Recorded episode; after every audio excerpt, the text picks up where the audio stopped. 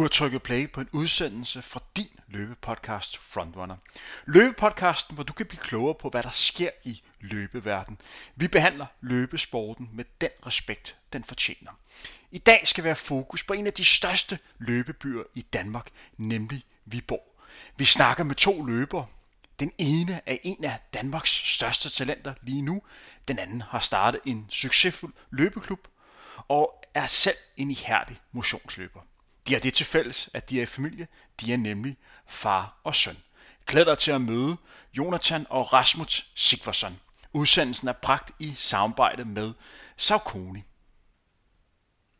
Før vi går i gang med dagens udsendelse, så har vi en besked fra vores partner Saucony. De har netop startet Saucony Run Club, som er et løbefællesskab, hvor der er plads til alle, som holder af at løbe. Om det er enten er for sjov eller for konkurrencens skyld, så er der plads til netop dig. Det er gratis at være med, og Sarkonis fineste opgave er at inspirere og motivere netop dig til at udvikle dig som løber. De adskiller sig fra andre fællesskaber ved at tilbyde kvalitet, uanset om det drejer sig om træning, træningsprogrammer, foredrag eller løb.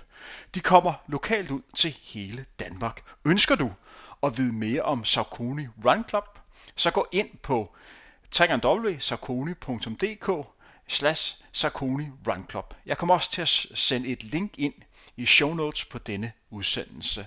Derudover kan jeg nævne, at der i september måned bliver afviklet to fællestræninger frem imod imitageløbet. Jeg kan godt love, at det bliver sjovt. Det kommer til at foregå i Fældeparken. Undertegnet Henrik Thiem vil selv være til stede som træner. Og derover vil løbelegenden, manden, der har vundet imitageløbet hele seks gange, nemlig Dennis Jensen, også deltage i træning. Ja, det bliver sjovt. Gå ind på Sarkonis Facebook-side og læs nærmere. Også det vil du kunne finde i shownotesene til denne udsendelse.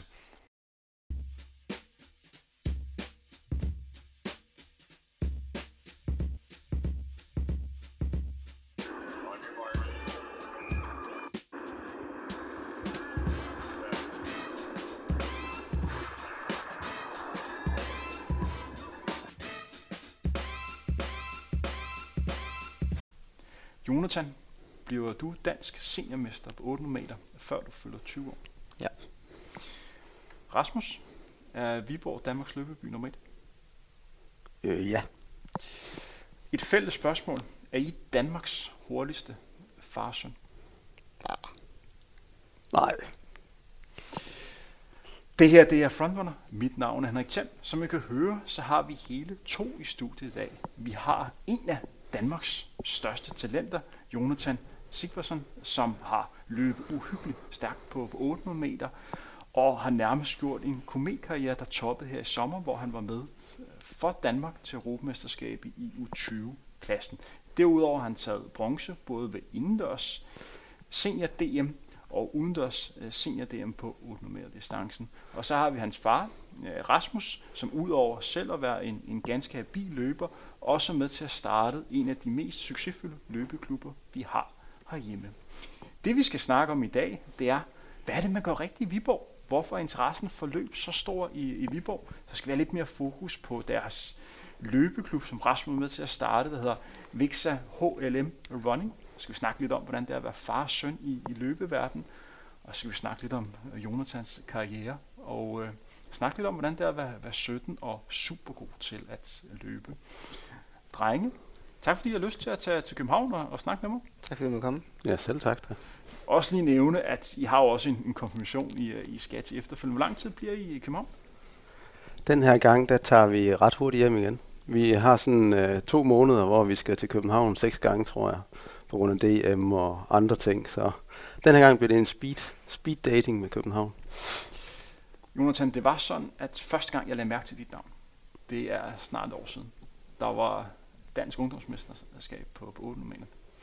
Jeg var ven med din øh, far på Facebook, og lige pludselig der dukkede en video op, som jeg synes var helt fantastisk. Jeg smiler over helt fem da jeg så det. Det var et 8 meter, ja. hvor at du slog ham, som langt de fleste troede, at, at den her ville være nemt. Nemlig Joel Ibler, som er bestemt også et talent, man skal holde øje med. Ham lagde du simpelthen bare i lag af på den 8 meter distance, og så der mangler 150 meter. Så spurgte du fra ham, som om det var så nemt som ingenting. Og kom hjem i en komettid. Man kunne høre far juble, man kunne høre, Jonathan virkelig var glad, og så kunne man høre en jul, der måske ikke syntes, at det her var helt sandt. Hvordan var det at slå jul den dag? Altså, det var fedt. Også fordi, at øh, jeg tror, udover alle andre regnede med det, så tror jeg også selv, at han havde, han havde regnet kraftigt med, at det blev en nem dobbelt DMU den her, hvor han tog 1500 meter dagen før, hvor han slog mig. Og så ville han så slå mig igen i dag. Men øh, det, jeg blev sgu sat lidt på plads dagen før, og så tænkte jeg, i dag, det kommer ikke til at ske igen. Han, jeg lader ham lige pace med de første 600 meter, og så tager jeg ham bare i sprinten, som jeg er bedst til. Hvornår vidste du, at det her det er min? Jeg, efter de første 400 meter, tænkte jeg, hold da kæft. Jeg skulle, øh, For jeg er ud død af helvede. Ja, det var sådan det gik noget rimelig- øh, 53, 54 ja, på meget første hurtigere, omgang. end jeg plejer at gøre dengang. Tænkte jeg da efter 400, det går sgu stærkt der. Jeg er stadigvæk på her. Det kan godt blive en rigtig fed tid og et rigtig godt resultat. Så runder vi 600, så kan jeg godt se, at jeg begynder at skulle få lidt ondt i benene her. Og så trækker han fra mig, og så lige på de sidste 100, så tænker jeg, nu er vi her. Nu kan jeg lige så godt bare tage ham i svinget, og så går jeg rundt om ham, og så følger jeg ham egentlig bare til dørs. Og så stopper jeg lige de sidste 50. Hvad sagde Joel til efter det løb der? Ja, jeg kan godt se, han tog lige hænderne op til hovedet, og så sagde han, ej, den er ikke god, den her. Han sagde også, at jeg plejer sgu altid at vinde. Jeg plejer altid at vinde to til DMU, og nu prøvede jeg noget nyt, og det skulle have været min dag i dag, men det blev det sgu ikke helt. Hvor meget trænede du indtil løb på det tidspunkt? Ja, det var lige der, hvor jeg havde nok trænet en... Jeg havde gået til løb i halvandet år. Et, et år, halvandet år. Men jeg havde først begyndt at få træningsprogrammer. Der to-tre måneder før DMU. Fire måneder før. Så det er ikke fordi, jeg har trænet så længe. Sov du med medalje om aftenen? Det har jeg gjort. Åh, Det tror jeg ikke, men jeg tror, jeg gik hjem. Jeg tror faktisk, jeg mistede den. Du mistede den. Jeg kunne ikke finde den. Du kunne ikke finde den. Jeg tror faktisk lige, jeg har fundet den igen. Jeg tror, den lå i billommen, og så har jeg fundet den efter et halvt år. Du kunne simpelthen ikke finde din Nej, guldmedalje. men det er fordi, når jeg plejer at vinde noget, så plejer jeg at give medaljen til min lillebror. Ja. Ja. Men så tænkte jeg, ah, han kan få den, hvor man er med for at deltage. Men det her, det var så en guldmedalje, den kan han godt selv beholde. Fordi det var vel din første sådan, guldmedalje, du vandt her. Jeg havde, vundet, vundet det, før? jeg havde vundet DMU et par gange før. Du havde vundet det på. Men det her, det var klart det største. Men det var også fordi, at jeg skulle, øh, jeg skulle på øh, introtur, eller linjetur med min efterskole til Italien. Og løbet var klokken 11. Jeg skulle sidde i bussen klokken 13. Så det blev lidt hektisk, og så tror jeg, jeg lagde den et sted, hvor jeg ikke kunne finde den. Og så fandt jeg den først noget tid efter. Så du fejrer simpelthen dit danske mesterskab med at tage på introtur. Ja, jeg sad der i bussen og havde en fest, selvom øh, det var sgu egentlig kun mig, der vidste, jeg havde vundet. Alle de andre, de sad bare, de vidste jeg jo ikke helt. Så er der ikke nogen af de kammerater, der fattede noget som helst, hvorfor du sad med det største smil på. Jamen, så sad jeg der på Facebook, så sagde jeg bare så video af mig selv i en time. Så den bag, så den bagved, de opfattede det godt. Vi skal netop også snakke med ham, der tog videoen. Hvad var, hvordan var det øjeblik for dig, Rasmus? Jamen, det Man må var... gerne være stolt af sin søn. Øhm, jeg er jo mega stolt. Altså, det var jo surrealistisk, fordi øh, vi havde jo set dagen inden, hvor, hvor stort Joel han vandt 1500 meter. Der var jeg lidt sur på Jonathan, fordi det blev faktisk et løb, der blev lavet om til en 800 meter, for det var mega taktisk. Så jeg synes, han skulle have haft en chance. Men han sagde, der er en plan, der er en plan, det er i morgen, jeg gør det. Ja, jeg tænkte ikke, det, det vidste ikke helt, om jeg troede på. Så da han gik forbi Joel, så må jeg sige, at han havde sgu ret. Det gjorde jo også lidt, at Joel undervurderede ham dagen efter. Ikke? Så Kunne du mærke, at interessen for dig som løber blev større efter den her dag her? jeg kunne helt godt mærke, at øh, der skete i hvert fald noget. Der var nogle flere, der fik øjnene op for mig. Også rent øh, ungdomsmæssigt, så er der flere, der vidste, hvem jeg var. Det er også her til ungdoms-EM. Der er nogen, de sagde, at de først lærte mig at kende, eller først hørte om, da jeg slog Joel. For jeg vidste ikke engang, de vidste det, men så sagde de, kæft, det var fedt, dengang du slog Joel. Og det, så fandt jeg så ud af, at det havde de jo også set. Jeg tror, der var rigtig mange, der havde set det. Jeg har også lagt mærke til, at I lige været overløb uh, Etap Bornholm. Ja. ja. Jeg så en dejlig video, hvor du simpelthen gjorde sådan en, en af de der øh, cyklister, der cykler aller forrest. Gjorde ham fuldstændig færdig. For det første, han gør, det er sådan en kollapse, der kommer over stregen. Han var færdig. Er det, hvad du gør med folk, det er at give dem sådan en knockdown, når du, øh, når du løber foran? Ja, Først er det Joel, og så er der ham der Ja, men hvis der er no- på Bornholm. Hvis der er nogen, der vil en sprint, så, så får de sgu ikke lov at få den. Den tager jeg sgu. Så må de give den alt, de har, men den vinder de altså ikke. Så det var en sprint på en cyklist? Ja. Øhm, og den vandt du. Ja, det gjorde jeg Ja. vist. Han så rimelig øh, død. Hvor mange etapper var du med i? Jeg med tre. Du var med tre etapper. Ja. Og du vandt vel de tre etapper, gjorde du? Ej, Jeg vandt den første dag i sandet. Og så øh, der om torsdagen på kongetappen på bjerget, der, var der blev jeg fejlinformeret. Der var ikke nogen, der havde sagt til mig, at der kom øh, 3-4 bakker på de sidste to kilometer. Så efter 6, ruten er 8,5, så begynder jeg at trække fart og tænker, nu løber jeg den her hjem. Så løber jeg går ned i et rimelig habilt tempo, og så bliver jeg bare, for bare smækket en bakke fyldt af sand og sten lige i hovedet på mig. Gik jeg sgu, øh, gik jeg, så gik jeg sgu koldt der. Så du står simpelthen nede der ved Hammer Havn. Ja. Og står og kan slet ikke lægge mærke til, at der er et, en kæmpe bakke.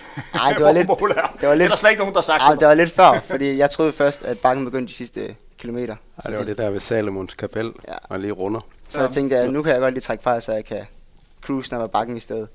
Men så fik jeg sgu, øh, så kom der en anden bak.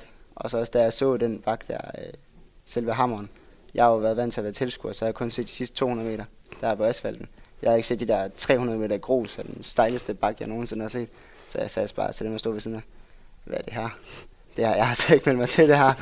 Og så gik jeg bare kold, fordi så var der sådan et skilt, 500, 450 meter, 400. Det var ikke godt for mig. Så, så du gav far en skideball, fordi han ikke lige informerede dig om, at Ja, opad var til lidt, lidt fejlinformeret. Ellers havde jeg, ellers havde jeg løbet hjem. Fordi du løb jo også alle dagen. Ja, jeg løb, jeg løb alle dage, ja. Ja, hvordan kan det komme som et chok for din, øh, din søn, at det går opad til sidst Jamen, de, de skal lære selv at undersøge. Det er ikke sådan noget, øh, det er ikke sådan noget, hvor man skal holde dem i hånden. De må selv ligesom tage ansvar og lære nogle ting.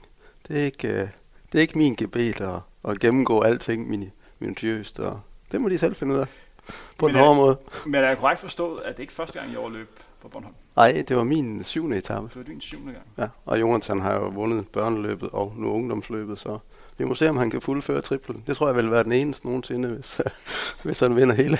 Ja, jeg, jeg fandt en resultatliste, øh, hvor at, øh, du lå også og konkurrerede mod et andet løbeslængd, Axel Wang, øh, derovre. Hvad kan Bornholm?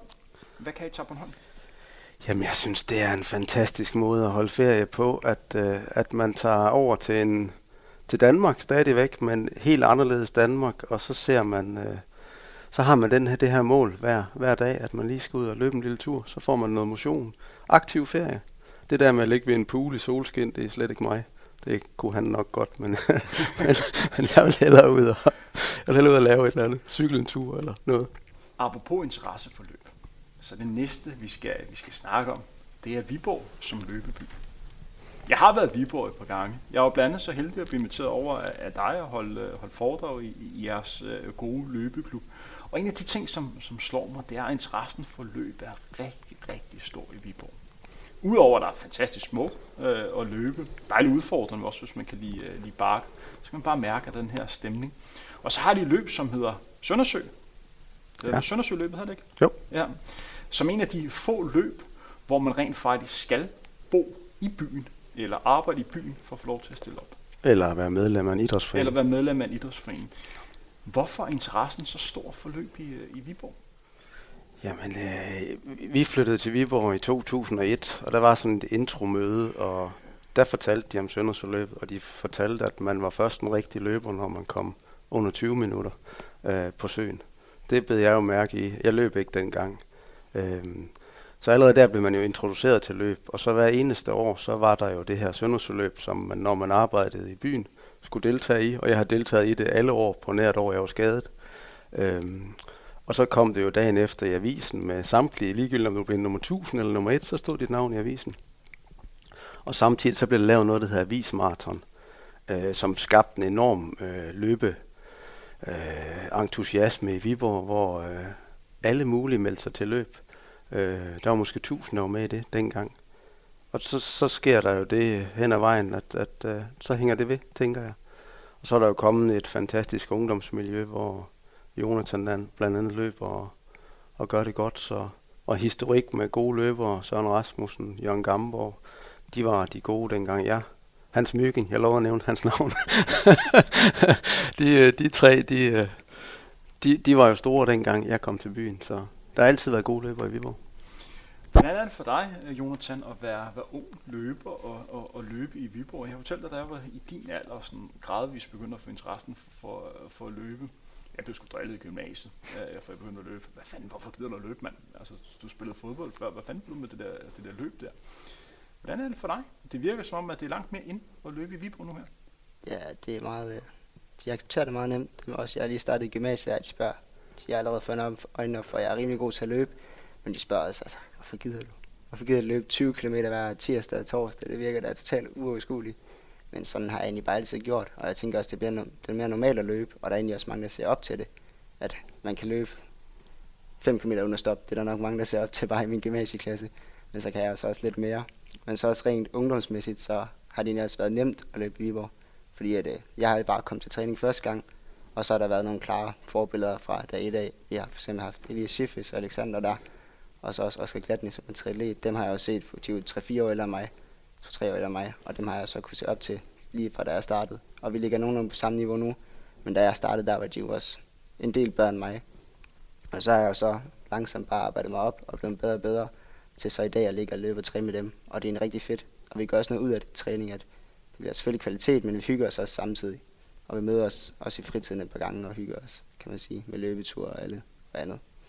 En af Danmarks bedste løber, Tejs, øh, som øh, netop har levet OL på maraton, stiller jo op for, øh, for Viborg. Gør han ikke det? Jo, jo, Jo, jo. jo, jo, jo, jo. Og øh, når man følger med i hans øh, karriere, der virker lidt som om, at en af de største ting, han kan, det er at vinde Søndersø. For en løber som dig, hvor vigtigt det vil være for dig at vinde Søndersø? Jeg tror, jeg skal starte med at, med at prøve bare at komme i top 5. det, skal være, det vil være fint for mig. Men vil der være større prestige end det ene, for eksempel at, vinde en DM-titel? Jeg tror, der er mere prestige at vinde Søndersøen, for eksempel DMU. Men jeg ved ikke, om der er mere end senior DM. Men det kan selvfølgelig også være i Viborg. Du bliver mere kendt i Viborg for at have vundet Søndersøløbet, end at have vundet DM. Fordi det er ikke så mange, der interesserer sig for atletik i forhold til for eksempel fodbold, håndbold osv. Så derfor er det en øjenåbner i Viborg. Hvis man vinder Søndersøløbet, så er man god til at løbe. Også derfor folk spørger tit, hvis man skal sammenligne løber, så hvor går du til at løbe? Jamen, jeg løber den og den tid rundt om søen. Så kan man sådan, sådan nogenlunde Ja, det er målet i Viborg. Det er, det er ikke, hvad du løber en 5 km på, men, men hvor hurtigt kan du løbe søen. Så det, det er det simpelthen, der er standard. Ja, det det er er, det, man tager udgangspunkt i. Ja. ja. Og det er det første, man starter med at træne op til. Det er at løbe rundt om den her sø. Ja, hvis man ikke har, hvis man ikke har prøvet at løbe før, så er det i hvert fald et godt udgangspunkt at have det som mål. Så, så det er ikke ligesom, da jeg startede med at løbe.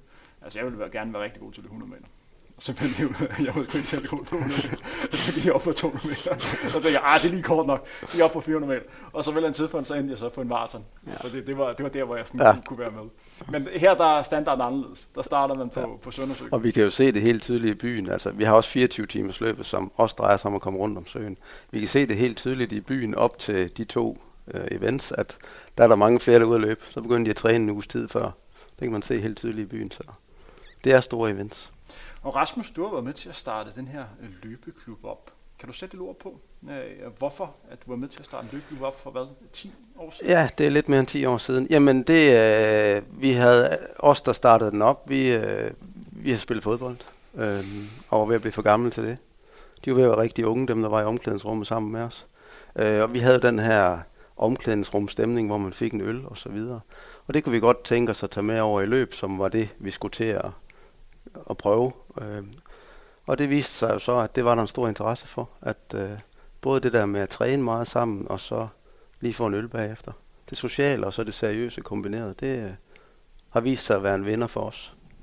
Så dem, I henvendte jer til, det var dem, som normalt spiller holdspil, men af en eller anden årsag måske ikke dyrke den sport mere, og de, øh, de kunne så finde interesse i jeres løbefællesskab. Ja, altså jeg, jeg vil sige, den kerne, der starter, der skal jo være en kerne for at starte noget op. Øh, hvis man gerne vil løbe sammen med nogen. Der var jo en 10-15 stykker fra starten, og, og mange af dem kom fra fodbold. Men det er jo ikke, at det er jo ikke sådan, man skulle komme fra fodbold. Man må gerne komme, hvis man, hvis man bare løb. Altså, det der, Og hvordan var fordelingen i forhold til køn? Hvor mange var, var mænd, og hvor mange var kvinder? Jamen altså, det er jo det der learning by doing. Øh, I starten, der havde vi jo to hold. Øh, den ene skulle løbe et tempo, og den anden skulle løbe en anden, et andet tempo.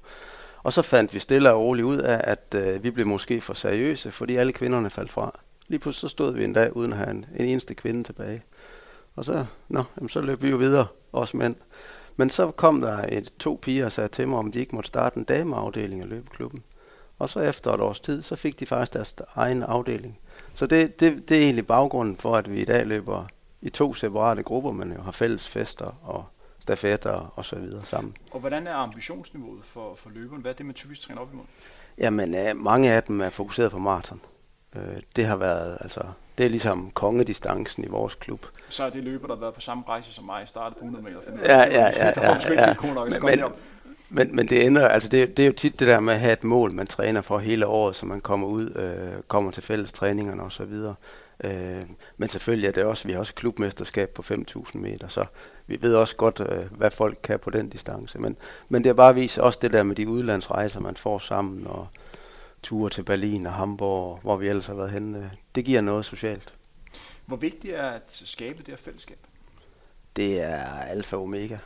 Altså det der med at sige, at øh, I skal løbe i trøjen, I skal, og vi skal være stolte. Jeg kan, jeg kan ikke sige, at du skal være stolt af trøjen, men jeg kan gøre sådan, at folk bliver stolt af trøjen. Forhåbentlig. Altså, Men I er jo ikke den eneste løbeklub øh, i, i byen. Du stiller op for, for en anden klub, øh, nemlig Viborg Atletik. Er det ikke, hedder den ikke det? Viborg Atletik og Motion. Uh, Viborg Atletik og, øh, og Motion. Hvordan er jeres relation i forhold til hinanden? Uh, hvad kan den ene klub kontra den anden? Jamen altså, Jonathan løb jo for os i starten, men vi har jo ikke noget øh, træning for unge mennesker. Altså, så han, han var jo med, når vi havde mesterskaber og løb Søndersøløb og så videre. Men, men jeg ved jo også godt, du skal være i det miljø, der udvikler dig bedst. Vi er jo, vi er jo familiefædre på 30 år plus øh, med nogle børn, typisk, øh, hvor vi ikke har så mange unge. Så, så det helt naturlige miljø for en i Jonathans alder, det er at løbe i Viborg AM. Så, så de, jeg vil sige, den top-eliten løber i Viborg AM, og vi har den der store mellemgruppe af dygtige motionister. Og kunne I finde på, hvis der kommer nogle løber, som øh, viser et tilpas højt øh, talent, bliver de så sendt så videre til, til en anden klub? Eller hvordan gør I det? Ja, det vender begge veje. Altså, der er også nogen, de, øh, altså jeg plejer at sige, at dem, der skal løbe hos os, er herrer.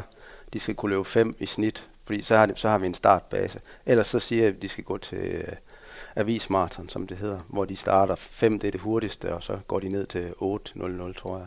Øh, så, så dem sender jeg ned af, men også øh, hvis der kommer nogle unge, så siger jeg, prøv at høre, vi, vi har ikke et, et kvalificeret tilbud, I skal over træne med Lars Vels. Altså det, det, det skal de, altså det er det bedste for dem. Jonathan, du har jo trænet i, i begge klubber. Hvad er den store forskel? Ja, det var egentlig bare, at der i KLM, der er træning, der er ikke rigtigt. Der var ikke så meget træning. Det var noget, jeg gjorde for mig selv, og løbe et par ture. Det var mere bare at stille op i trøjen, og så komme til klubmesterskaber og søndagsforløb og sådan noget. Så det har egentlig aldrig været træning for mig, fordi jeg var også meget ung dengang. Det er egentlig bare mest de voksne, der træner. Jeg var bare medlem, kan man sige, eller blevet trukket med ind i det. Og så viste du så tilpas stor talent, og så røg du så over i den, øh, ja. hvad kan man sige, den anden øh, forening. Ja, det var der, hvor jeg spillede fodbold, og så når man finder ud af, at man er ok på bolden, men stadigvæk den hurtigste på banen, så er det nok bedre bare at løbe sig, hvis det er det, man er bedst til. Og så bliver så sendt derover og begynde så at løbe og spille lidt mindre fodbold. Hvem sammenligner jeg med? Hvem, øh, hvem minder I om som, som løbeforening? Altså Vexa? Ja. ja. Jamen altså, Enbro, er det ikke det, det hedder herovre? Altså, de startede jo efter os, men, men vi kan jo se, de har, de har jo mange af, af vores øh, af ting, ting, de også slår ja. på, synes jeg.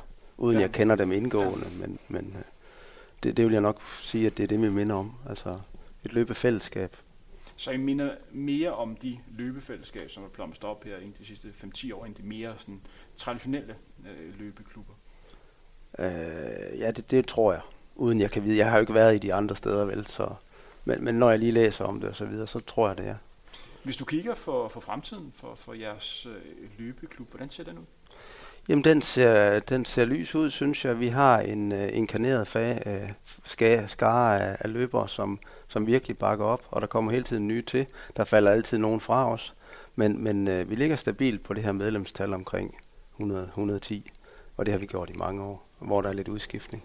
Så, så jeg synes, at øh, det, jeg vil hellere, det her siger jeg tit, jeg vil hellere have folk, der vil os, end at have en masse medlemmer. Jeg vil gerne have 10, der vil os, end 50, der ikke, der bare kommer en gang imellem. Så det, det handler om, det er at få folk aktiveret, så de møder op til træning? Ja, altså opbakning. Ja, at de vil fællesskabet. Og kravet for at kunne være med, det er, at man kan være med i turene og løbe under 5 øh, minutter per kilometer. Ja, altså vi, vi, vi eksperimenterer i år med at have en gruppe, der løber lidt langsommere, og det, det går indtil videre fint. Men det er vigtigt, at man ikke står alene, når man dukker op til en træning, at der kun er. Så de, de skal være en flok, og det har de været gode til indtil videre. Har, er der deciderede træner, der sådan laver træningsprogram? Nej, vi, øh, vi gør, i starten, der var det altid mig, der lavede forskellige trænings... Øh, altså vi, vi gør altid noget forskelligt, løber altid forskellige steder og forskellige ting. Der er altid en tempo-del i det. Men nu, øh, de sidste to-tre år, har vi en skare på en 7-8 stykker, der deler træningerne imod, mellem os. Men ikke, vi har ikke en træner som så. Vi træner hinanden. Det næste, vi skal have fokus på, det er jo, hvordan det er at være far søn i, øh, i løbeverdenen. Dem, der kender mig, øh, ved, at jeg selv har en, en far, som har været en del af i løbeverdenen i rigtig mange år. Øh, faktisk var det også den måde, jeg i sin tid blev præsenteret for løb. Øh, vi har begge to en, øh, en fortid i, i fodbold, hvor min fars store styrke var, at han kunne sætte en mand på de første meter som fodboldspiller. Jeg måtte stoppe med at spille fodbold, fordi jeg simpelthen ikke kunne finde ud af at sætte en mand. så der er vi så også øh, så forskellige.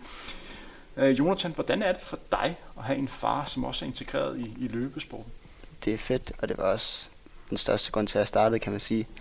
Jeg var startet med at deltage i en hel masse landvejsløb og møde op der, og så hvis jeg ikke, jeg vil ikke sige, at jeg blev tvunget, men jeg blev stærkt opfordret til at stille op, og så blev jeg så kørt derud, og så var der også lidt præmier bagefter, hvis man vandt, og det gør jeg sådan rimelig tit. Og det var egentlig bare fedt. Og det var sådan, jeg blev taget med i det. Det var jo ham, der gjorde det. Men øh, ja.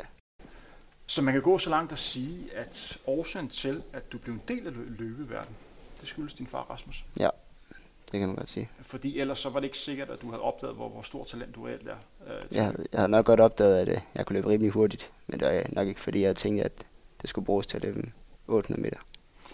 Rasmus, hvis jeg vender spørgsmålet til dig. Hvornår gik det op for dig, at du havde en søn, som viste stor talent for at løbe? Da vi var til et 5 km løb i Viborg, da han var 7 år og løb på 22 minutter eller sådan noget på 5 km. Øh, 23 måske. Jeg kan ikke huske detaljen, men jeg kan bare, det var i hvert fald, jeg synes, jeg synes det var hurtigt. Og så har han jo været på en fodboldbane altid den hurtigste øh, på holdet. Hvad tænker man så som far, når øh, sin søn løber så hurtigt? Jamen, øh, der- der minder han lidt om mig, fordi jeg var også hurtig på en fodboldbane og så videre, men der var aldrig rigtig nogen, der tog, tog mig i hånden og tog mig til løb og så videre. Så det er noget, jeg først har opfundet langt op i 30'erne. Øh, så jeg synes faktisk, at det er mega, det er mega fedt at se, hvor dygtig, han er jo meget dygtigere end jeg er, og nogensinde kunne være blevet, men det er mega fedt at se. Var der nogen, der, da du vandt det her løb her, og var 7-8 år, var der nogen ud over din far, der sagde, det her, det var, det var flot? Jeg kan sgu ikke huske noget. Du ikke huske jeg var for 7 år. Jeg tror, jeg har set billeder af det, men jeg kan, skal være ærlig, jeg kan sgu ikke rigtig huske noget derfra. Øh, men så begynder du gradvist at komme ind i, øh, ind i løbeverdenen. Man må også lige nævne, at du hele perioden har spillet fodbold, øh, og stadigvæk spiller fodbold. Hvor vigtigt har det været for dig at have en anden sportsgren? Meget vigtigt. Hvad er det fodbold kan, som, som løb ikke kan? Altså, løb, jeg vil sige, løb i Viborg, det er stadigvæk socialt, men ikke socialt på den samme måde. Og så også træninger til for eksempel løb, det er meget mere, det er noget hårdere og noget mere fokuseret end der til fodbold. Til fodbold, der ligger vi og hygger lidt og spiller lidt bold til hinanden, og så spiller vi kamp til sidst.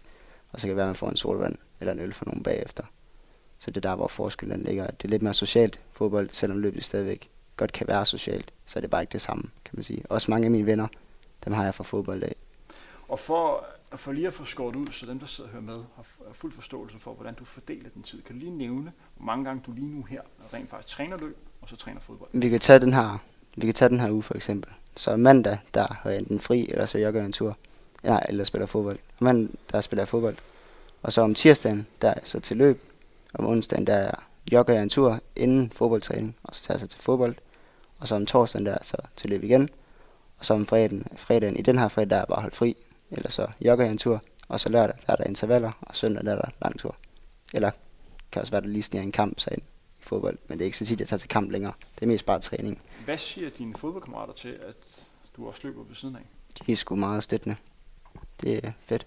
Og hvad siger dine løbekammerater til, at du også spiller øh, fodbold? Ja, det er lidt noget andet. De siger, når der kommer sådan også, der kommer til træning, så kan sige, man også, det er da godt nok en fodboldspiller, der kommer gående der med tightsene, med shorts over, øh, tre, tre t-shirts, og jeg ved ikke hvad, men øh, de er sgu stadigvæk meget forstående for det.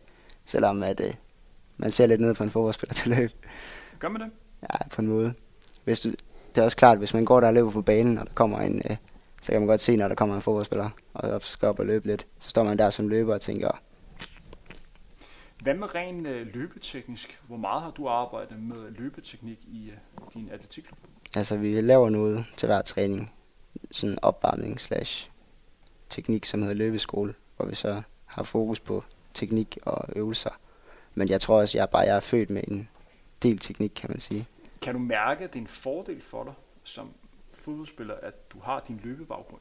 Har det gjort dig til en bedre fodboldspiller? Jeg kan godt mærke, at øh, når vi kommer over i de senere minutter, og folk de begynder at stå og holde sig lidt på knæene og synge lidt ned øh, og trække vejret rimelig dybt, så har jeg stadigvæk øh, har rimelig meget overskud tilbage, og kan nok stadigvæk løbe en solid øh, 100 meter af frem og tilbage på banen. Hvad med ren løbestilsmæssigt? Kan du mærke, at du bliver skolet i atletikken, og det kan du bruge, Jamen, lad os sige, i fodbold? også øh, ikke regelmæssigt på bolden, men når man løber rundt på banen, kan jeg godt mærke, at øh, når jeg løber der og jogger med mine fine hælsparker, ikke hvad, og høje knæløft, så øh, ser det lidt lettere ud for mig at komme fra A til B, når jeg skal jogge frem og tilbage, frem for at der er mange, der også bliver nødt til at gå, og de slasker sig sådan fremad på banen, hvor jeg så bare mere lidt elegant kan mig frem og tilbage.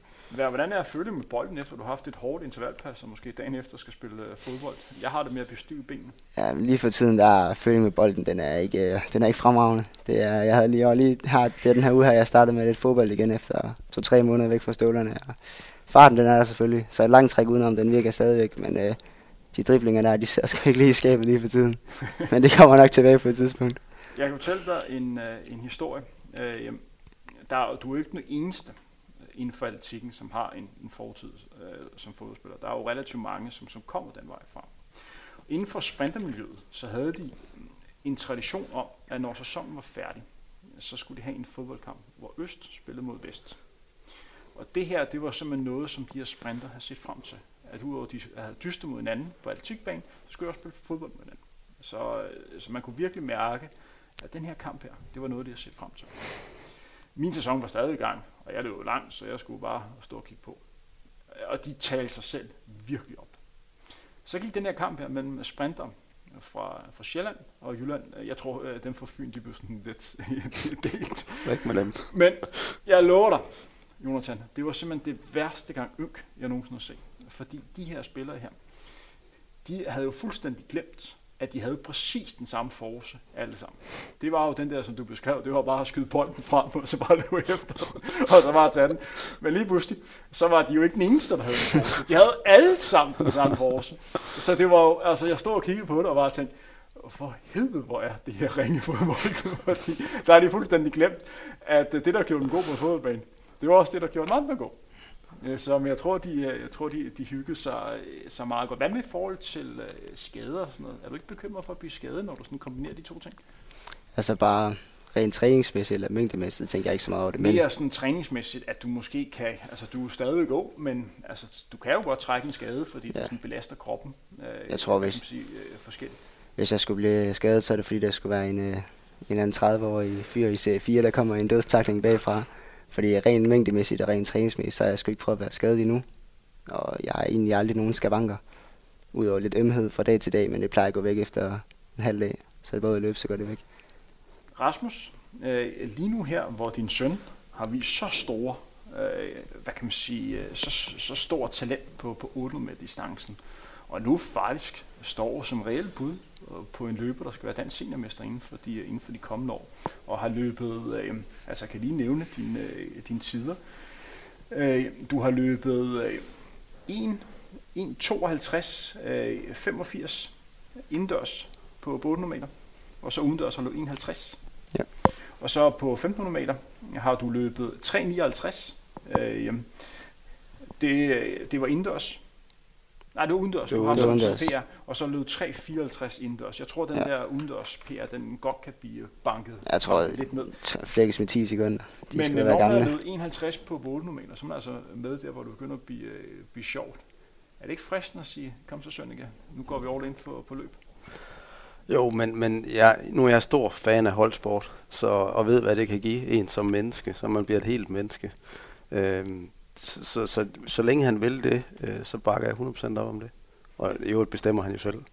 Lysten skal være der. Det skal så, være sjovt. Så der er slet ikke noget pres for, for din side om, hvor mange gange han skal træne, eller hvordan han skal køre det? Nej, det er mere, altså, de er også kommet i en alder, hvor de godt vil have lidt øl. Og der prøver jeg at sige, prøv nu lige at slappe lidt af.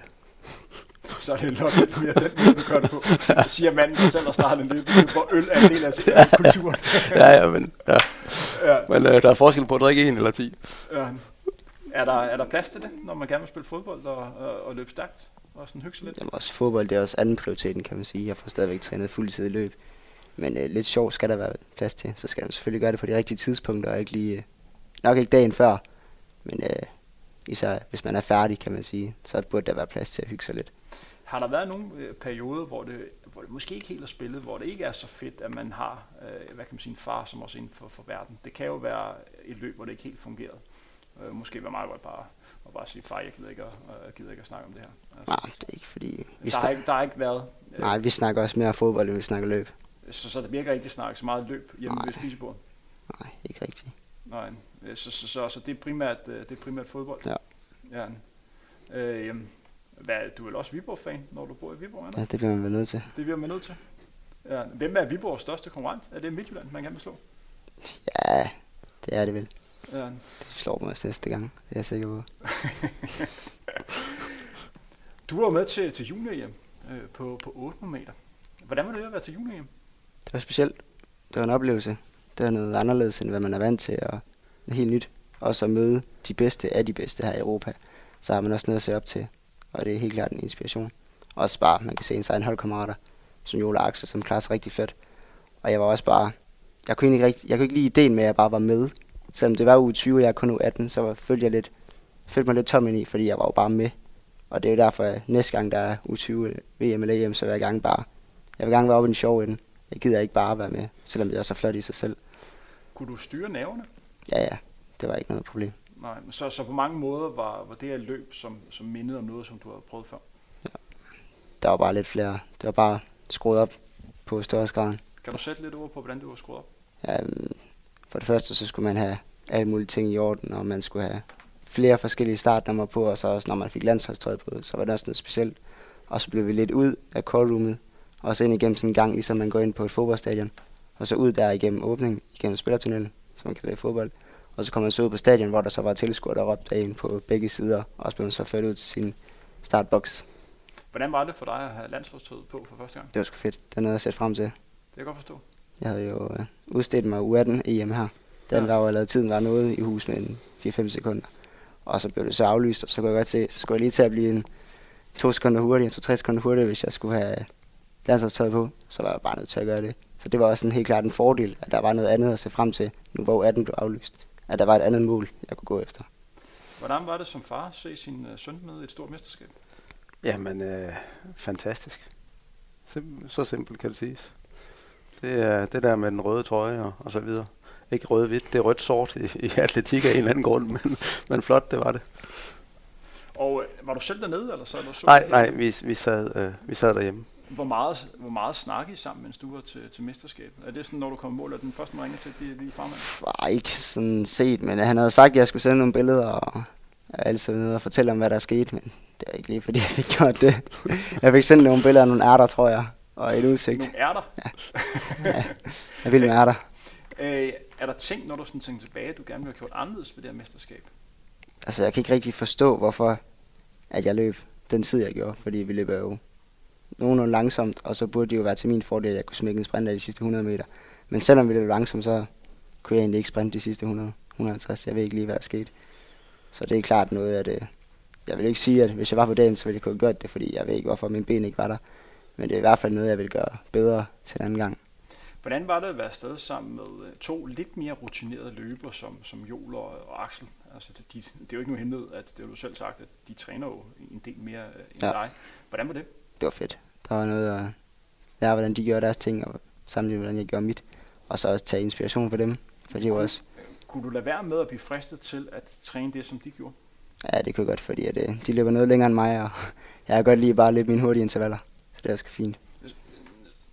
Så, så, så du havde ikke nogen problemer med bare at forholde sig til det, som du skulle gøre? Ja. Vi varmede også op ens. Vi havde samme opvarmning, lige 3 km ud af jog, og så lige lave nogle øvelser, og så ikke i gang med intervallerne. Så det er egentlig meget ens på en måde. Så det var ikke noget problem der. Hvornår tror du, du skal træffe valg, om du skal gå all in på, på, på løb, eller om du vil fortsætte med den her lidt dual karriere? Jamen, jeg, jeg går allerede, kan man sige, all in på løb, fordi fodbold, det er egentlig bare noget, det er en, kan man kalde det en hobby, og så det andet, det er en, det er en sport. Fordi jeg træner det, jeg skal, de der, jeg træner fuld mængde, og så hvis der er plads til en fodboldtræning, så putter jeg den ind. Så det er ikke fordi, jeg misser noget løb, fordi jeg går til fodbold. Hvor god tror du, du vil blive? God, Er du den næste øh, Viborg-løber, der kommer to år? det kan godt være. Og hvad er det for en distance, øh, som du tror er, bliver den distance, du kommer til at løbe stærkest på? Så jeg har jo min bedste PR lige nu, det er på 800, men øh, jeg tror, jeg kan også lægge en rimelig god 1500 meter ned, hvis det skulle være. Det er bare ved at være noget tid siden, jeg sidst løb ind. Også da jeg skulle kvalificere mig til EM U18. Så 800 meter, den tog en 3-4 forsøg. 1500 meter, den tog jeg første forsøg. Hvem har du som forbillede inden for løb? Det er nok bare Elias Alexander fra Viborg. Så de, dine to lidt ældre ja. Ja. klubkammerater. Fordi jeg har ikke, jeg har ikke, set, jeg har ikke set løb, fra jeg var barn, af at set, ej, han er mit forbillede, han er mit idol, ligesom jeg måske har gjort i fodbold. Jeg er jo relativt ny inden for løb, og det er også derfor, jeg, jeg kan godt sige, at jeg har drømt om at komme til OL, siden jeg var 10. Men det har jeg jo egentlig ikke. Jeg har først lige startet med løb, og jeg ser små, småt fremad, at øh, også her til U20 EM, det var ikke engang et mål for et år siden. Det er bare noget, der er kommet med tiden, fordi jeg først har fået øjnene op for det nu. Helt ærligt. Øh, kan du godt lide at løbe? Jeg kan godt lide at være til konkurrence og løbe hurtige intervaller, Ja. ja. men øh, Det tog mig en del år rent faktisk at, at, at kunne lide at løbe. Ja, det er ikke fordi, jeg tænker, yay, træning i dag. Men det er også derfor, vi gør noget socialt ud af det. Så er det jo fedt nok, at der ikke bare kun er træning. Men jeg synes stadigvæk, det, det er fint. Det er ikke fordi, at jeg er over det moon over det. Men jeg synes stadigvæk, det er fedt. Men så de der joggeture mellem det, det er ikke fordi, jeg er verdens største fan af jog. Jeg synes, det, jeg synes det er lidt kedeligt. Men jeg kan godt lide intervallpassene, dem kan jeg godt lide, og det gør lidt ondt. Men. Rasmus, hvordan kigger du på hans, hans fremtid som løber? Har du siddet og lagt sådan skemaplaner på, hvordan det skal se ud i 2022, 2023 og 2024? Nej, fordi han har jo allerede brugt de skemaer, jeg har haft op i mit hoved. Altså, det er jo meget imponerende, så meget det er gået frem det sidste år. Så jeg øh, sidder stille og roligt og kigger på, og så øh, er velvidende om, at det er jo, du kan jo spørge Thijs, han har jo også haft, haft år, hvor det har stået helt stille, ikke? Øh, men han er blevet ved, og det, det skal man jo også kunne, når man møder modgang. Så det er jo det, er jo det spændende, synes jeg. Det har jo kun været en lang optur indtil videre, så, så man skal også se, hvordan håndterer man modgang. Det er jo en stor del af det her, tænker jeg. Det er kendetegnende for, for langt de fleste, som kommer rigtig langt. Det er, at de kan håndtere de perioder, hvor det går knap så godt. Øh, og det er der, hvor man skal vise, hvem man er, og om man, man virkelig vil det. Øh, men indtil videre, indtil videre går, det, øh, går det rigtig godt.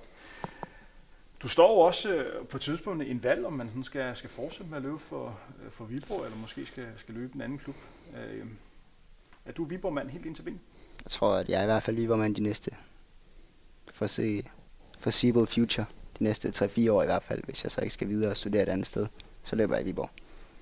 Og øh, hvem træner dig? Hvem laver programmet til dig? Det gør Lars Vels. Og er han en god træner for dig? Det synes jeg. Øh, kan du sætte lidt ord på, hvad han kan? Det er meget dynamisk, det vi laver. Det er, sgu aldrig, det er aldrig det samme. Eller det kan godt være, men så er det også de fede pas, der er det samme. Han finder tit på nogle nye, mærkelige ting at prøve, og det er egentlig også fedt som løber, at det, der er noget andet end bare at skulle løbe verdens mest simple sport. At det også bliver spændende i flere fasonger. Snakker I nogen siden uh, træning? Kan, kan du finde på, Rasmus, gå ind og kommentere på, hvad man skal lave træning? Overhovedet ikke. Aldrig i livet. Nej. Men vi har prøvet, vi havde sådan nogle, under corona lavede vi sådan nogle hårde søndagspas. Der prøvede jeg... Det må jeg lige sætte noget på. Hårde søndagspas, det lyder sjovt. Ja, men så prøvede vi at kopiere nogle af, af Lars' der blev vi nødt til at indføje nogle ekstra pauser og sådan noget, fordi de var ved at kaste op de der 4-5 stykker, jeg havde med. Ej, og vi har endda sat tempoet væsentligt ned ifølge deres. Ja, ja. Og det var ude i bakkerne omkring Viborg? Ja, vi har nogle stier, vi kan løbe på. Vi har mange gode, flotte steder. Ja, det må man, øh, det må man sige. Hvor er det bedste område, man kan løbe i, øh, løbe i Viborg? Er det nede ved søen, eller er det bakkerne lidt ude for byen? Altså personligt er jeg jo vild med Dollerup bakker. Men det er, jo, det er jo ikke til intervalløb og så videre. Det er jo op og ned. Og så, der tror jeg aldrig, du har løbet ud. Har det? Øh, Søndersø bliver man lidt træt af, fordi man jo har løbet den så mange gange. Så man prøver at finde lidt andre veje. Jeg har også øh, jeg har løbet på gang i Dollarbakker, synes der er fantastisk. Der er virkelig, virkelig smukt, men jeg giver dig ret i, det, det går lidt op og ned. Det er anderledes at løbe her. Ja, rammer. Der man får lidt, noget ud af det. Der er lidt mere fladt. Du får lidt mere for pengene, når man, når man, når man løber derovre. Tør du byde på, hvad du kommer til at løbe om, om 10 års tid, hvis vi to sidder og snakker og om 10 år? Hvad tror du, du løbe på det tidspunkt? Om 10 år, det er lang tid, men øh, jeg tror da godt, at jeg vil ned og løbe det, som Bubbe har løbet. Ned under OL-kravet i hvert fald. Så, så omkring de her 1,44 på 1,445 stykker. meter. Ja. Og indtil videre, du, du går op på vej. Det kan så også ændre sig, hvis jeg nu allerede om to år siger, jo, det er ikke gået frem. Men det er jo i hvert fald, det kommer til at blive spændende. Og nu er der DMU snart. Kan du sætte lidt ord på det? Hvordan ja. vil det være? Nu stiller du op som en af favoritterne. Måske favorit den. Hvordan bliver det? Det bliver fedt. Det bliver fedt? Det bliver fedt at kunne have lidt mere overskud, når man står der på startstregen. Og tænke, det er også fedt, at, øh, at vide, at man kan stå og kigge på dem, og så siger man, at de har nok tænkt på, at øh, de skal slå mig, hvis de skal vinde den her. Det er sgu meget fedt. En ting, jeg gerne vil spørge dig om, Rasmus, det er, at når jeg snakker med de unge mennesker, øh, både med øh, Jonathan her, og så også øh, Joel og Axel, en ting, som kendetegner mig, det er, at de unge mennesker i dag har utrolig stor selvtillid. Altså, de har virkelig den her tro på dem selv, og det tolker jeg som positivt. Altså, mm. øh, hvad tror du er årsagen til, at, at man har nogle unge løbere, der virkelig har den her tro på sig selv, og, og virkelig går sådan lidt uimponeret ind til det? Øh, hvad tror du, der, der gør, at man har sådan en generation, der har den her tro? Det må være opdragelsen. Opdragelsen? Fri rammer. Jeg ja. ved det ikke. Nej. Opbakkende forældre. Ja. Nej, det, det ved jeg simpelthen ikke. Jeg tror ikke... Øh, jo, jeg kunne egentlig også godt selv komme med sådan nogle bombastiske udmeldinger. Også for at sætte mig selv op, tænker jeg. Så det er vel også en del af det, at de, hvis, man siger, hvis man siger det højt, så lægger man jo også et pres på sig selv, og dermed måske præstere bedre. Nogle vil jo ikke kunne præstere under det, men andre, så som Jol og så videre, tror jeg faktisk, øh, ved at lægge det pres på sig selv, bliver endnu bedre. Det har han jo vist indtil videre i hvert fald. Jeg synes, i sportens verden kan det godt være, være positivt, at man ikke er, ikke er bange og ikke er, er frygter nogle tider, men i princippet bare går ind på banen og siger, ja, hvorfor skal jeg ikke kunne løbe det, når de andre kan? Og det er jo, altså, det, det er jo fedt, at det ikke er en grå mus. Ikke? Altså, det, det er jo fedt, der er nogen med lidt karisma, og det, det gør jo noget godt for løbesporten, frem for at, at ja, det, det synes jeg virkelig, det gør. Selvom det nogle gange kan virke sådan lidt, okay, han er lidt hovski snovski det der, men jeg, jeg synes bare, det er fedt. Det var også derfor, jeg blev lidt skuffet til hjem, fordi at, øh, jeg havde egentlig regnet med, at jeg bare gik ud og løb en. Slog dem, der kunne løbe 1,48 inden jeg før. Der havde jeg bare set, at det var et selvgivet, at jeg skulle ud og slå dem for at gå videre. Og det tænker jeg egentlig også, det kommer også til at gå. Og der skrev egentlig også, at nu går jeg ned og banker dem alle sammen, og så kan det godt være, at man ser lidt dum ud efter, men det er sgu fint. Ja, men det er noget, som jeg tænkte over, for jeg tror, det er sådan en generationsting, at man har en generation på vej frem, som på en eller anden måde har lidt større tro på dem selv og går lidt mere uimponeret ind i tingene, og måske ikke, hvad kan man sige, frygter, at tingene kan gå galt, men lidt mere tager tingene, som det kommer. Ja. Og det er altså en god ting, når vi snakker øh, en så elitær sport som, øh, som løb, og det kan også være med til, at man virkelig kan, øh, hvad kan man sige, rykke nogle barriere. Og man kan sige, den generation, som jeg selv var en del af, at der var ikke, helt, der var ikke så mange, der sådan turde at gå ud og, og, og melde ud på, på den samme måde. Der var man sådan lidt mere, lidt mere tilbageholden på en eller anden måde. Øh, det synes jeg var ærgerligt, fordi jeg tror, at, at det er med til at gøre, at man sådan kan, kan rykke sig øh, hvad kan man sige, endnu mere. Ja. At man ikke er, øh, hvad kan man sige, at man ikke selv lægger øh, begrænsninger. Hvor mange gange får I en til at løbe sammen? Hvor tit løber I tur sammen? Det er sgu ikke, det er ikke så tit faktisk. Jeg tror, er, er det synd, der ikke vil løbe med faren? Jeg kan egentlig godt ligge løbe selv med lidt musik. Det kan jeg godt lide. Ligge og vibe lidt. Men, uh... Jeg tror, vi løb en gang i sommerferien sidste år. Sammen. Så skal vi helt tilbage et år siden, hvor jeg løbet sammen. Ej, måske en gang mere. Ikke? Men uh, det er ikke tit, han gider. Og så, så det tager, der er jo en lang fra man beslutter, at man skal løbe, til man faktisk kommer afsted med Jonathan. Der kan godt ja, gå der kan gå en, hel dag, jeg en hel dag. Hvor jeg siger, nu skal jeg ud og løbe. Vil du med? Det kan han slet ikke tage sig sammen til. Og øh, jeg har jo slet ikke fået spurgt dig, Rasmus, hvor mange kilometer du ligger og løber? Det er godt nok meget forskelligt. Øh, under corona op omkring 100, og de her uger, det varierer helt ned omkring 40. Så det, det er meget, hvad der lige passer ind i ens øh, liv. Hvis man går ind og kigger på øh, dine personlige rekorder, og jeg beklager, hvis jeg kommer til at sige noget forkert her, men... Findes de? De, de findes på, på nettet. Øh, jeg, jeg, jeg har set, at du har løbet lige over 34 minutter på, på en 10'er. 34.11. Er det, øh, vil du godkende den? Ej, 34.08. Jeg tror, der mangler noget netto-tid. De sidste tre sekunder er vigtige, så 1.15 på, på halvmarathon. Passer den? Ja, den passer. Ja. Ja. Hvad, vil, øh, hvad er målet for dig, sådan rent øh, løbemæssigt? Hvad vil du gerne vil løbe? Er der nogle tider, du gerne vil slå? Nej, Eller er det også mere altså, vigtigt for dig at, at være en del af den her øh, træningsgruppe, som du har bygget op? Jamen, det, det der, altså, jeg har oplevet det samme som Jonsson, at det bare gik, da jeg startede med at løbe der i 10, der gik det bare voldsomt fremad, mange minutter per år. Så blev jeg syg og skadet i 13, og så nåede jeg tilbage til bare det at kunne løbe, så ville jeg være glad. Så, så, så nu, når jeg bare kan løbe, og en gang imellem løbe under 21 på halvmarathon, så, så, er jeg egentlig, så er jeg egentlig glad. Og jeg kan jo se, jeg tror, jeg løb 35 på 10. Det er jo ikke nogen tid for, for andre af dine lytter, men, men for mig var det stort, da jeg gjorde det igen. Så sådan nogle mål med at kunne gøre noget igen, øh, og nu min alder tæller, tæller heller ikke for tingene længere. Så det er sådan, det, det er sgu mere det der, og så se nogle af ens holdkammerater lave noget godt. Det kan jeg også godt lide. Det er lige så vigtigt. Kan du sætte lidt flere ord på den glæde, man får, når ens holdkammerater præsterer noget godt? Jamen, øh, at se en, øh, en, der er startet i klubben og, og bare har udviklet sig på en halvmarathon med 10 minutter, altså det er jo... Så at vide, at man er en del af det på en eller anden vis, det, det synes jeg er mega fedt. Og så vil jeg lige øh, ret en enkelt ting, du, du sagde. I min verden, 35 minutter på en 10, det er altså en god tid. Der er rigtig, rigtig ja. mange løbere, som ikke kan løbe 35. ja, ja, men, men, men altså, der, skal alligevel... der, der vil jo være nogen, der sidder og lytter her, som synes, at det er... Men, men uh, det, det har jeg gjort i år, så det var jeg faktisk... Du er så nok også noget ældre end, uh, end løber i hans storhedstid. men uh, du står i den gode situation, at uh, hvis du i princippet bare kan holde dit niveau, så vil du blive bedre for år til år. Fordi man, øh, når man nærmer sig, hvad kan man sige, sådan veteranalderen der omkring, øh, hvad kan man sige, midten af 40'erne, så vil man rykke længere og længere frem på ranglisten, ja. Øh, når, man, når man på princippet bare holder sit øh, holder Pro- sit Problemet er, at nu, nu havde vi jo corona, og man kunne træne en hel masse, der var masser af hjemmearbejde, og var hurtigere, altså kunne hurtigt komme ud af døren, ikke? lige så snart vi slækker på det, så er mit niveau faldet drastisk. Så det er også en af ulemperne ved at nå den alder, jeg har. Så 35, det er langt væk lige nu. Vi er ved at nå til vejs ende, men Rasmus, jeg vil gerne lige stille dig et spørgsmål. Øh, hvis der nu en far, som sidder og hører det program her, som selv har en, en søn eller en datter, som viser talent øh, for løb, hvad, hvad vil dit bedste råd være til, til vedkommende? Jamen, jeg synes, man skal finde ud af, hvor den nærmeste lokale klub er, og finde ud af, hvornår de træner, og så øh, tage, tage drengen eller pigen med ned til, til træning og introducere, få, få dem introduceret på den vis. Det, det er da klart det bedste.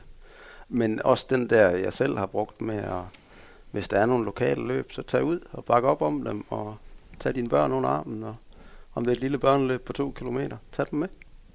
Og øh, Jonathan, hvis du skal få ikke helt det samme spørgsmål lige derhen af. Hvis der kan være øh, en, anden dreng eller pige, som så hører med, som også har forældre inden for, inden for løbeverden, hvis du skulle komme med et, et godt råd til dem, som de kunne sige øh, videre til deres forældre, hvordan øh, deres relation bedst skulle være, øh, hvor meget støtte eller knap støtte, øh, hvad er virket for, for dig? Altså jeg føler, at de går mere op i det, end jeg egentlig selv gør. Og det er også fint, at de får glæde af det, som jeg også selv gør. Men jeg tror, at øh, hvis man skal bare spørge sine forældre om støtte, det er sgu fint, og man kan snakke om det. Og så at øh, jeg vil nok heller ikke kunne selv betale for alle de ting, det koster. For eksempel nye løbesko og piksko, og jeg har så bare kunne bruge deres klubtøj og mit eget fodboldtøj til at løbe. Så det har været fint nok. Men jeg tænker helt klart, at man kan ikke gøre det alene. Der skal være noget støtte bagved, og det er der også bag hver en sportsmand, for det skal, eller sportskvinde, for det kan fungere. Så du synes, det er, at det er, det er godt, at der, der er forældre, der sådan bakker lidt op og, og støtter omkring projektet, ja. men det kan også blive for meget? Det kan også blive for meget, men det tænker jeg ikke. Der skal meget, meget til, før det bliver for meget. Så skal det være sådan en fodboldfar, der står og råber af hans syvårige dreng, at han skal tage sig sammen, når de ligger der og spiller miniput fodbold. Så, så, så du synes, at, den måde, som, som I kører, det er ja. klart det bedste for Det skal heller ikke blive for seriøst, og han er egentlig også bare tilskuer, som så støtter. Det er ikke fordi, han går ind og blander sig i, hvad jeg laver. Han kan godt sige, flot løbet, eller det var knap så godt. Det var så også bare som det er. Så det er tilfældet, at, at du, Rasmus, kommer til at sige til dig, øh, Jonathan, nu skal du fandme ud og løbe. Det kommer aldrig til at ske. Nej. Nej. Det er, lysten skal drive værket. Og er den der ikke, så, så kan man jo se det på resultaterne ret hurtigt, tænker jeg.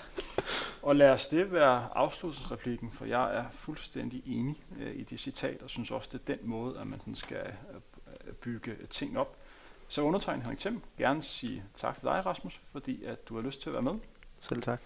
Tak til dig, Jonathan, og held og lykke til de kommende løb i efteråret. Jeg glæder mig til at se dig øverst op på, på bremmeskammen, og så glæder jeg mig til at se nogle, nogle videoer igen, Rasmus.